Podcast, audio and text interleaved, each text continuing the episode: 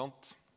Vi tror på Gud som skaper, eh, og Jesus som frelser og Den hellige ånd som livgiver. Det er det vi tror. Men Jesus han har akkurat hatt et møte med en som heter Nikodemus. Og Nikodemus var fariser eh, og en av jødenes rådsherrer, står det. Det betyr egentlig bare at han var ganske høyt på strå.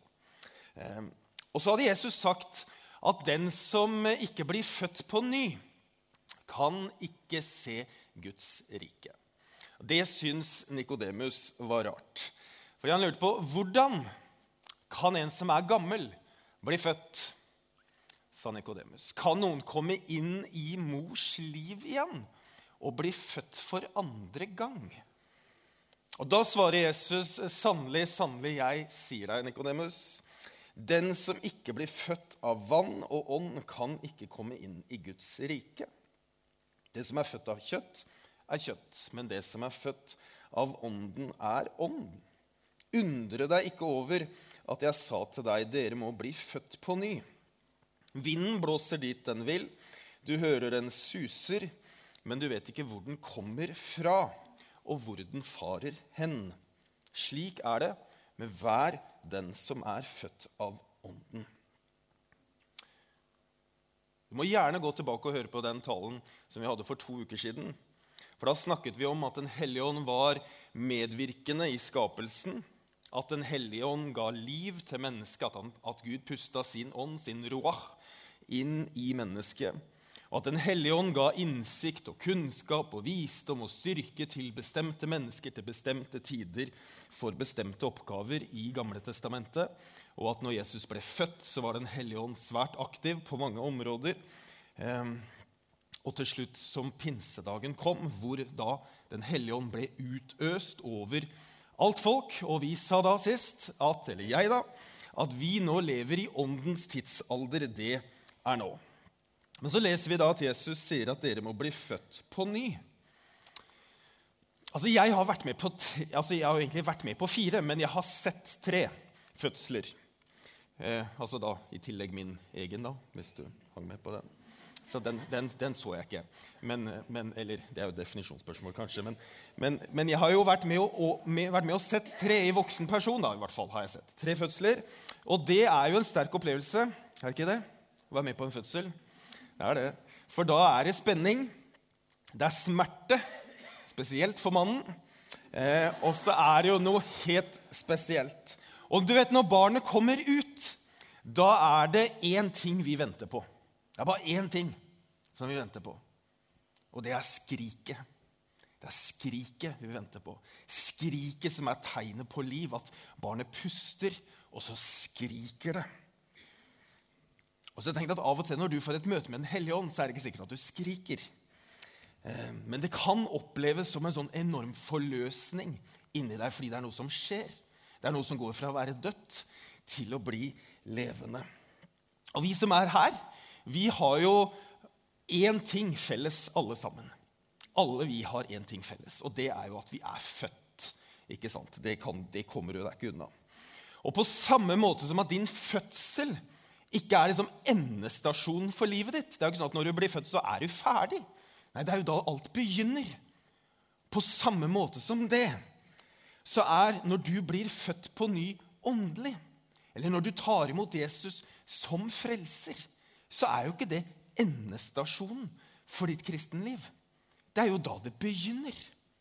Fordi Gud har jo mye mer på lager for deg enn bare en fødsel. Det er mye mer å oppleve, det er mye mer å erfare, det er mye mer å lære. Det er jo et helt liv med Jesus som ligger foran deg. Og I motsetning, i motsetning til den fysiske fødselen de aller fleste av oss vet tid, sted og dato, så er det ikke alltid sånn at vi kan tidsbestemme og stedsbestemme det nøyaktige øyeblikket hvor vi ble født på ny åndelig. For noen så er det litt mer som en sånn soloppgang, kanskje, som går litt sånn over tid, og vi er i et miljø, og så skjønner vi og tenker at vet du hva, jeg tror faktisk på dette. Og, men for andre så er, kan det være som et sånt lynnedslag momentant liksom fra den ene dagen til eller det ene sekundet til det andre. En om, omvendelse liksom sånn umiddelbart. Og så tenker jeg Uansett hvordan dette har skjedd for deg, eller vil se ut for deg, kanskje, så er ikke det viktigste hvordan det skjedde, eller når det skjedde. Det viktigste er jo at det har skjedd. Fordi når du tar imot Jesus som frelser i livet, da blir du født på ny.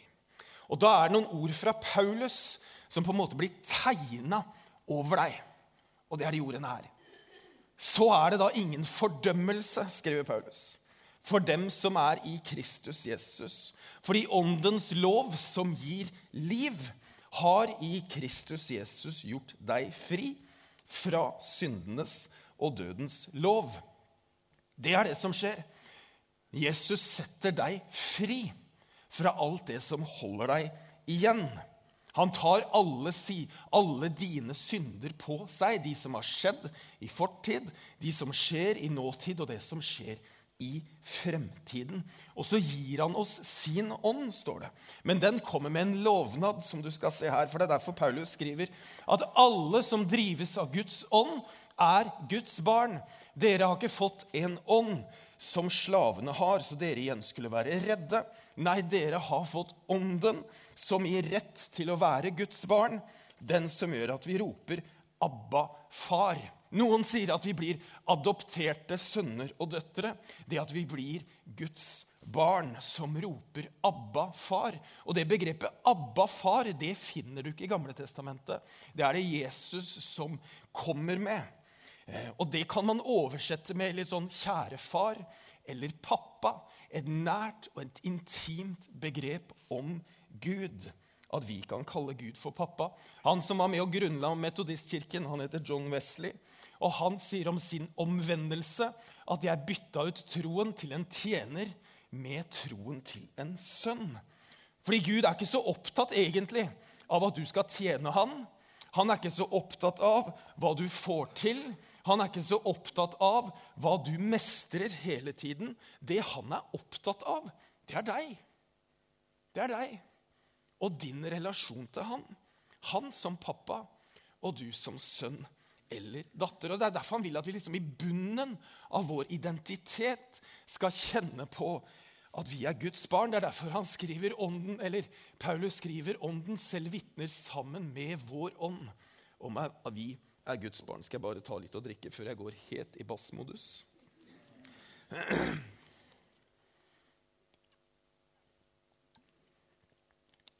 Det kan jo hende at et sånt budskap om, om Den hellige ånd funker bedre når, du har mørk stemme. En litt sånn mørk rest. Men hva er det Den hellige ånd gjør? Egentlig så hadde det vært mye lettere å si noe om hva Den hellige ånd ikke gjør. Det er derfor jeg har valgt det bildet.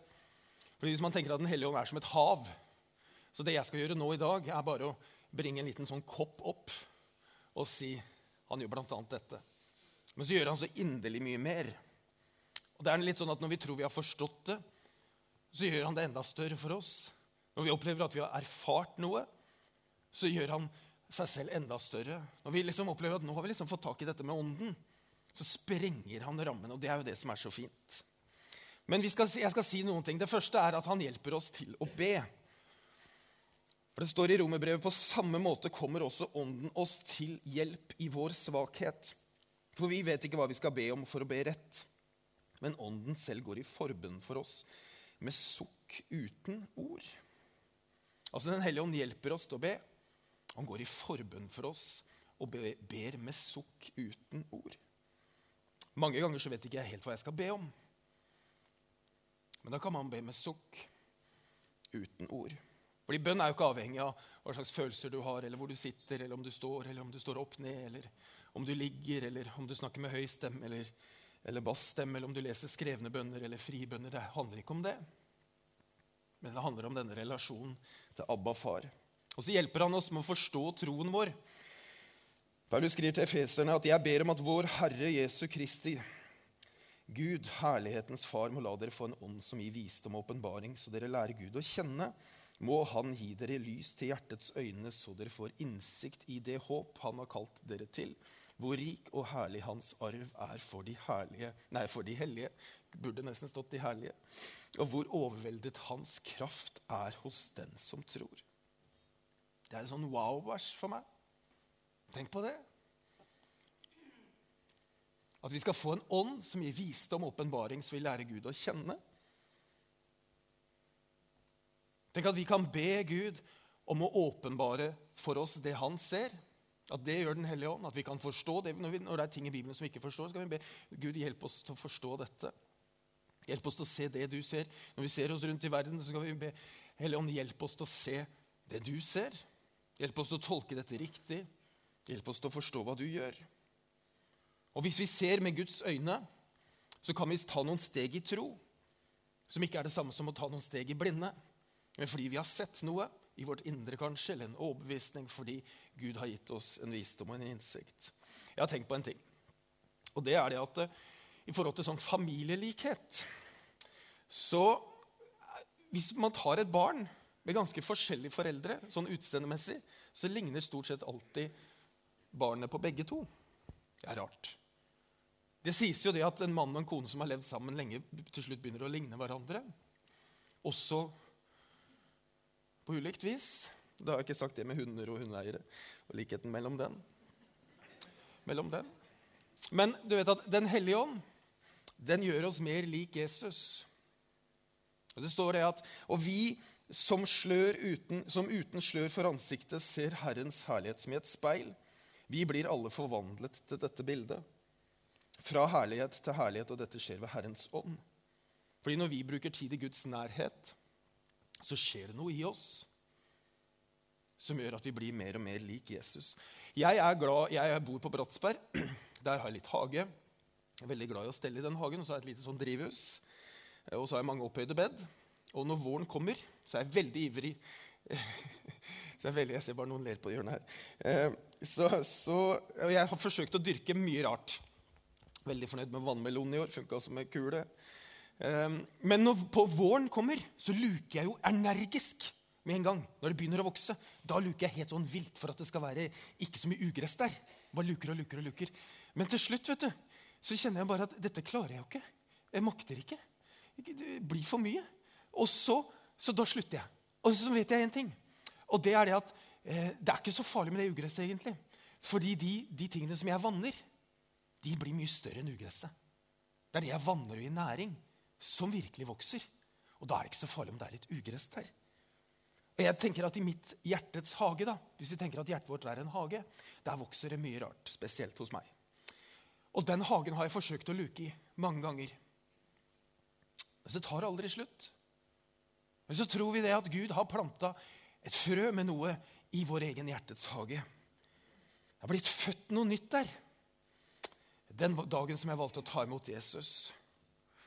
Og fra den dagen så har ikke eh, mitt arbeid i mitt hjertets hage primært handla om å fjerne ugress og luke bort det. Men det handla mer om å vanne det som er sådd der. Fordi når det som vannes og får eh, gode vekstvilkår, da vokser det.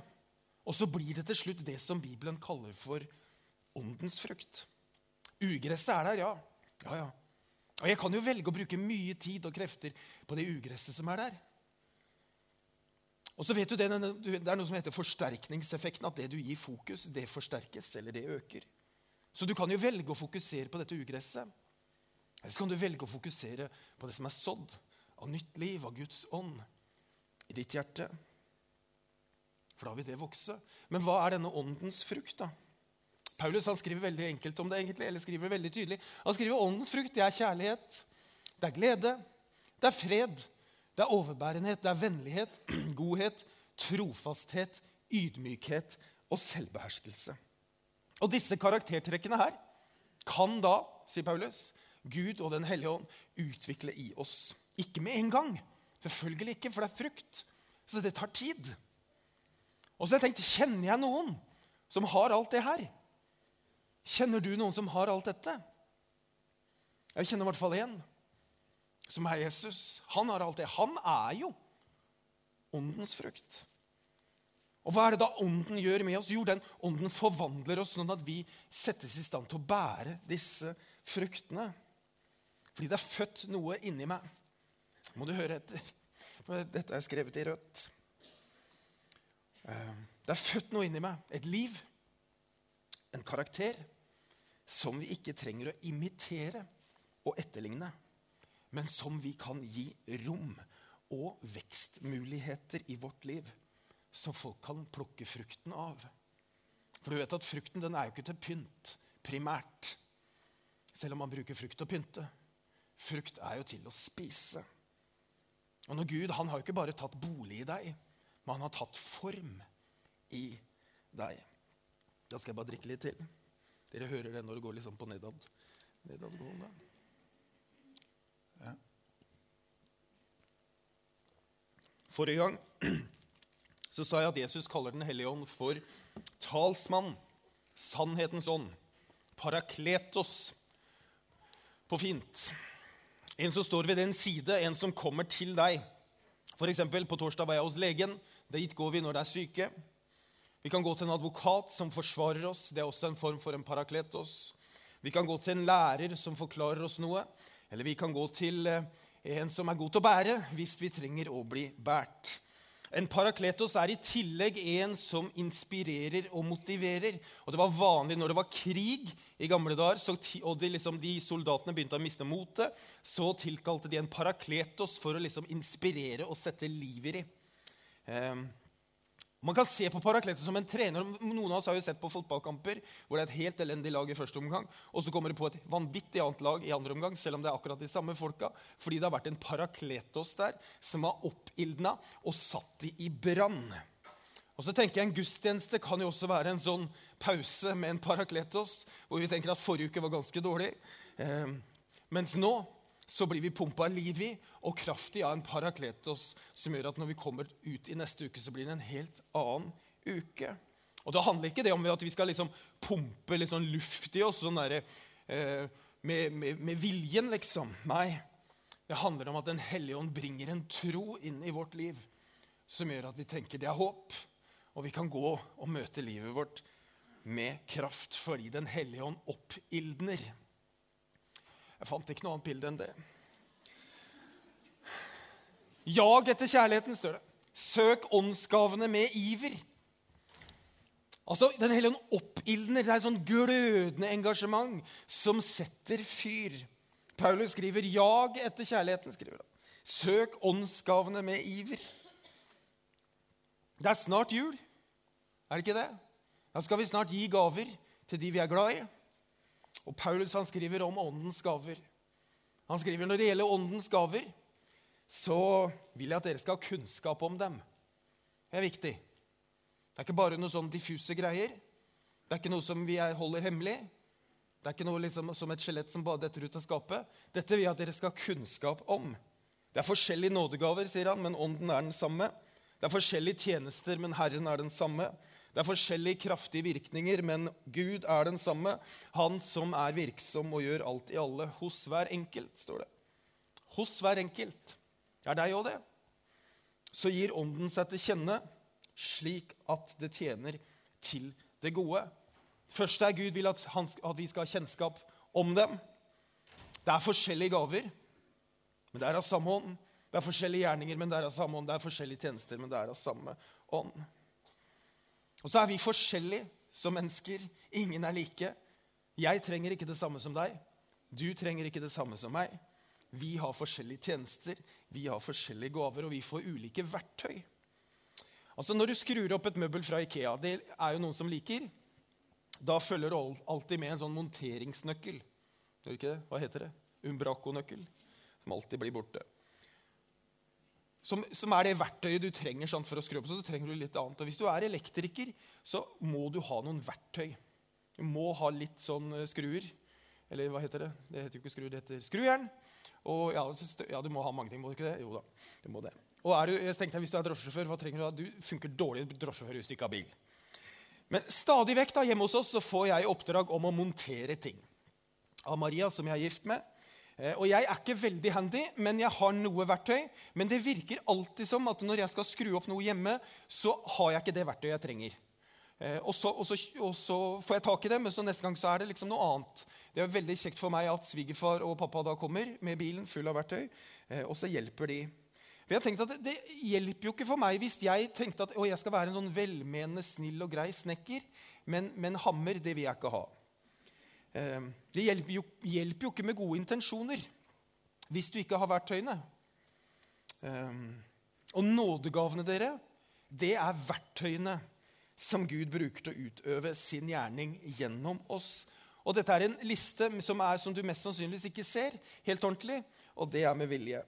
Fordi når Bibelen nevner alle disse nådegavene, så er det veldig veldig mange. og kan, Noen mener det er 30, noen mener det er liksom diverse antall. Men så er jo poenget at dette er jo eksempler på gaver som Ånden gir. Og så lister det opp noen. Og det kan jo hende at hvis du ser noen, så tenker du ja, kanskje jeg har den, eller kanskje jeg har den hjelpegaven, eller den håndverksgaven, eller den tjenestegaven, eller den trøstegaven, eller den undervisningsgaven, eller hyrdegaven, eller Det kan hende du har noen av de. Og så tenker jeg Det du har fått litt av Det du har fått litt av, det kan du få mer av. Om du har fått én ting, så kan du få flere. Og så er Poenget at du trenger ikke å sitte og være passiv og tenke liksom Jeg har ikke noen, jeg. og jeg tror ikke Gud gir meg noen gaver. og Jeg sitter her og harker, jeg, liksom. Så, nei, nei, det kommer vel hvis det kommer. Og, ja, ja, ja. ja, nei, Han sender meg det vel hvis han vil, liksom. Og, ser du greia? Å være passiv. Eller så kan du være aktiv. Og så kan du ivre. Eller Paulus skriver, Vær ivrig, brenn. Du kan søke åndsgavene med iver. Du kan jo faktisk søke noen situasjoner som gjør at du trenger noen verktøy som du er avhengig av å bruke. Ikke for at du skal få pokal, men for at du skal møte et behov som er hos noen andre. Og så kan det hende at Gud gir deg det akkurat da, når du trenger det, fordi du har gjort noe som du er litt usikker på, men som du kjenner det har jeg litt lyst til å gjøre likevel. Og så møter Gud deg og gir deg det du trenger. Av og til har jeg også lurt på om, om eh, Kirken har blitt som en sånn fotballkamp. Hvor det sitter tusenvis av mennesker på tribunen med akutt behov for fysisk aktivitet. Mens de sitter og ser på 22 folk, kvinner eller menn, som har et akutt behov for hvile. Det har jeg lurt på. Fordi menigheten fungerer jo ikke maksimalt før hvert enkelt medlem tar i bruk sine gaver. Og da er jo 'ta i bruk' som er stikkordet. Det er jo å bruke verktøy. Det spiller jo ikke noen rolle hvor mye verktøy jeg har i garasjen. Hvis jeg ikke bruker det, da er det jo til ingen nytte. Fordi det er ulike gaver, det er ulike oppgaver, det er ulike tjenester. Men det er samme Gud som vi skal tjene til det gode. Ikke for vår egen del, men for vår neste. Og så skriver da Paulus videre.: Jag etter kjærligheten. Søk åndsgavene med iver, særlig det å tale profetisk. For den som taler i tunger, taler ikke for mennesker, men for Gud.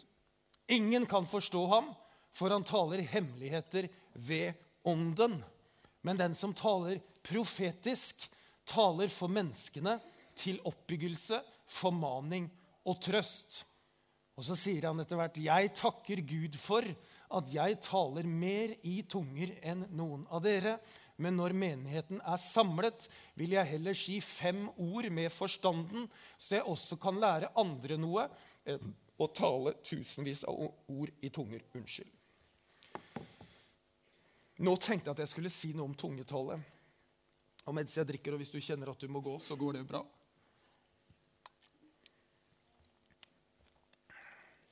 Tenk at Paulus sier, 'Jeg skulle ønske at dere alle talte i tunger'. Hvis vi hadde gått til apostelgjerningene 10, som vi straks skal gjøre, så ser vi at det ikke bare var eh, disiplene som fikk et nytt språk på pinsedag. Det var ikke bare de troende av jødisk ett, eller, men det var også de som var hedninger. De fikk et nytt språk. Mens Peter fremdeles talte, kom Den hellige ånd over alle som hørte ordet. De troende av jødisk ett som var kommet dit sammen med Peter ble forskrekket over at Den hellige ånds gave også ble øst ut over hedningene, for de hørte dem tale i tunger og lovprise Gud. Hva er tungetallet? Det er mange ting, men jeg har prøvd å si at, at det handler om å tale med menneskers eller englers språk. Det står i 1. Korinterbrev om jeg taler med menneskers eller englers tunger, men ikke har kjærlighet, da er jeg bare en drønnende malm eller klingende bjelle. Det er noe med et englespråk. Så er det en måte å be på. For den som taler i tunge, taler ikke for mennesker, men for Gud. Bygger opp den enkelte. Det krysser språkbarrierer. for Hvis jeg ber og taler i tunger, er det ånden min som ber, men forstanden har ingen nytte av det. Og det, det tenkte jeg det vil jeg si noe om, fordi Vårt språk, vårt norske språk, eller hvis du liker å be på engelsk eller spansk, så har det noen begrensninger og barrierer. Og av og til så er jeg i noen settinger eller opplever ting som gjør at språket mitt faktisk er i veien for det som jeg vil be om. Jeg finner på en måte ikke ord, sier vi, om ting. Jeg klarer ikke å sette ord på hva det er. Jeg finner ikke ord. Og det er der som tungetalen er til hjelp. Og så er det siste viktig at den som taler, har selv full kontroll. Og så tenker du, Hvorfor skal du snakke om tungetale, da, Martin? Hvorfor det, liksom? Og Når Paulus ramser opp disse gavene, så, så sier han noe om at tungetale er ikke den største. Det er ikke den viktigste gaven. Og Det er kanskje derfor jeg snakker om det, fordi kanskje er den minste. Det er jo mange som er redd for å si noe feil, kan jeg høre, når du taler i tunger. Jeg er så redd for å si noe som ikke stemmer. liksom. At det kommer fra meg, eller at det er ikke fra Gud. Eller, eller Jeg er så redd for å si noe feil. Og så tenker jeg, Du bør jo være mye mer redd for å si noe feil når du snakker norsk. Du bør jo være mye mer redd for det. Du skader jo mange flere ved det som kommer ut av munnen din når du snakker norsk, enn når du skal tale i tunger. Fordi tungetallet alene for deg selv det er ikke farlig en plass. Det handler om å gjøre noe du ikke kan. Å øve seg på å gjøre noe man ikke kan. Det tror jeg er bra for de aller fleste. Og Når jeg taler i tunger for meg selv, alene, uten følelser, uten lovsangsmusikk og uten spesielt god stemning, så øver jeg meg på noe som jeg ikke kan. Hvis du taler i forsamlingen, da er det litt annerledes, for da skal det tydes. Og da skal du være litt obs på hvordan du uh, sier, og hvordan det er. Men for deg selv, alene sammen med Gud, så kan tungetalen være som et sånt verktøy som åpner døra inn til en helt sånn ny verktøykasse. Noe du aldri før har opplevd, hvor Gud kan åpenbare seg på en helt ny måte. Når jeg talte i tunge for første gang på en sånn i i Philadelphia-kirken i Oslo, på, en benkerad der stille, så var det som at Gud åpna en sånn kanal rett opp til han. Og jeg ikke var begrensa av verken mine tanker eller følelser, eller, men det var bare rett opp. Abba, far. Da var jeg ikke lenger begrensa av mitt norske språk.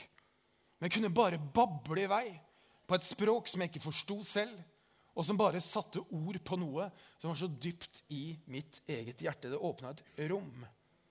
Det er jo Noen som starter med å få ett ord, og så er det det ordet de har. Noen starter med å få en setning, og for andre så kommer det et helt bibliotek. Men som alle åndelige gaver så må de, åndelige, de åndelige gavene brukes. De må tas i bruk for å utvikles. Så når jeg ikke vet hva jeg skal be om, så ber jeg i tunger.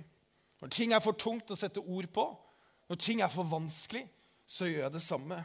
Når jeg ber for mennesker som jeg ikke helt vet hva skal jeg be om nå, så ber jeg i tunger inni mitt eget hode.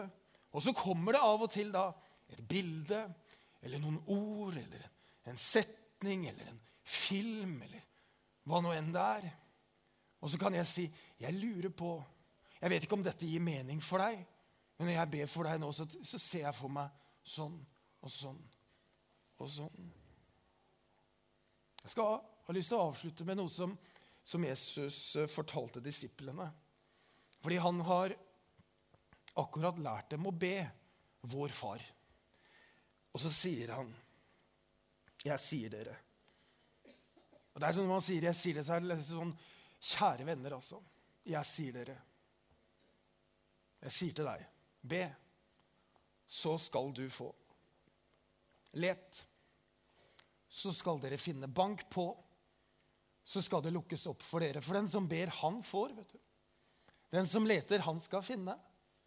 Og den som banker på, skal det lukkes opp for. Finnes det en far blant dere som vil gi sønnen sin en orm når han ber om en fisk? Eller gi ham en skorpion når han ber om et egg?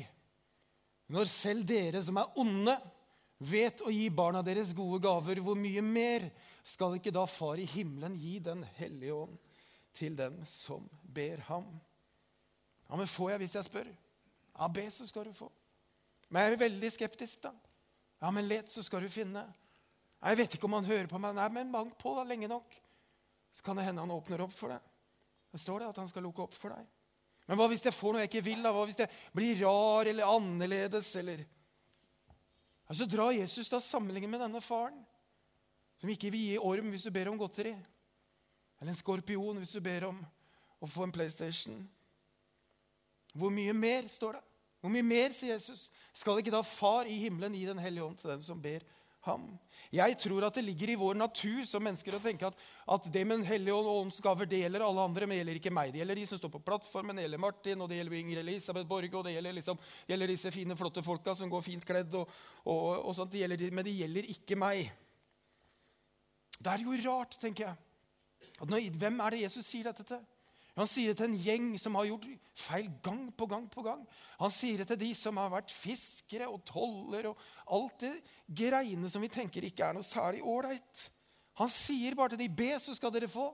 Let, så skal dere finne. Bank på, så skal det lukkes opp for dere. Og så, Hvis du leser det som jeg prøvde å si Når Paulus skriver noe om dette, så han brer med så svær pensel at du ikke sitter sånn og tenker å, kommer det kanskje? Men gjør det med iver. Søk det med iver. Fordi det å bli fylt av Den hellige ånd det er ikke en sånn engangsopplevelse. Det viser mye i, gjennom, gjennom Nytestamentet. Det er som flerbruksdrift. Det er ferskvare. Det er ikke sånn tørrfryst fisk. Men det er ferskvare.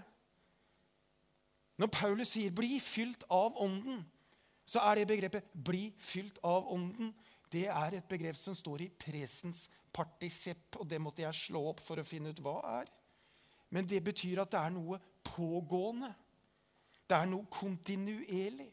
Det er noe som skjer igjen og igjen og igjen og igjen. Og derfor nå, kjære deg, skal vi reise oss på beina. Skal du ikke gjøre noe du ikke vil.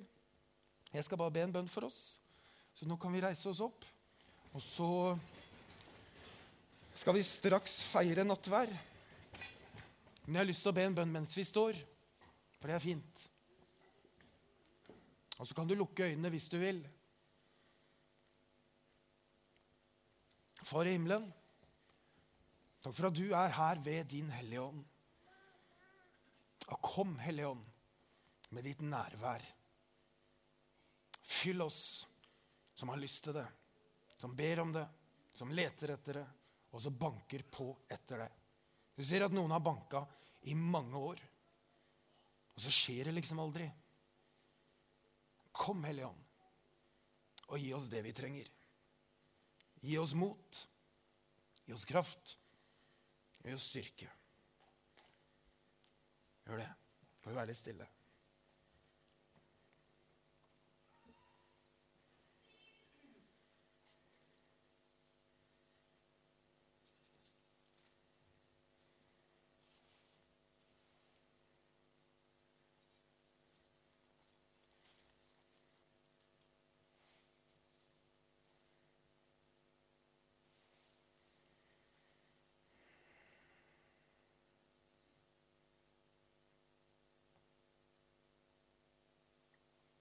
I den natt da Herren Jesus ble forrådt, så tok han et brød. Han takket, han brøt det og sa, 'Dette er min kropp, som er for dere. Gjør det til minne om meg.' Og På samme måte så tok han begeret etter måltidet og sa, 'Dette beger er den nye pakt i mitt blod. Hver gang dere drikker av det, gjør det til minne om meg.' For hver gang dere spiser dette brødet og drikker av begeret, forkynner dere Herrens død helt til Han kommer. Takk, Herre, for at du har gitt oss Den hellige ånden. Takk for alt som Den hellige ånd gjør. Og Hjelp oss å leve i det, hjelp oss å vokse i det, og hjelp oss å ta imot, Herre, det du har for oss. Kom til hver enkelt av oss og gi oss det vi trenger. Og så takker vi og priser deg for oppstandelsen fra de døde. At du har gjort det mulig for oss å ha fellesskap med deg og kalle deg for Abba-far. Og Det er derfor vi feirer nattvær, for å minnes det. Så velsign måltidet, og velsign den tiden som vi nå skal ha sammen. Da kan dere som skal være med og dele ut, dere kan komme fram. Og så skal dere straks få det dere skal dele ut, men nå skal vi ta imot nattvær. Skal vi synge noen sanger sammen. Terje med team kommer opp og skal lede oss i det.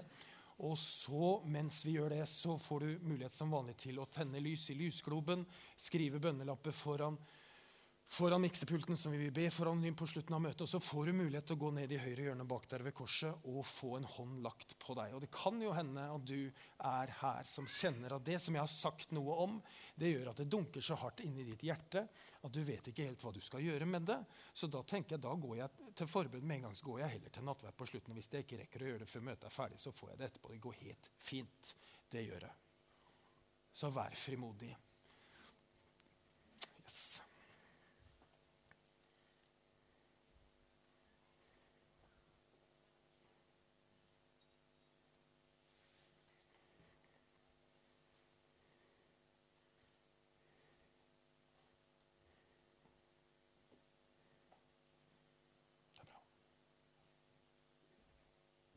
Da sier vi, 'Kom, for alt er ferdig'.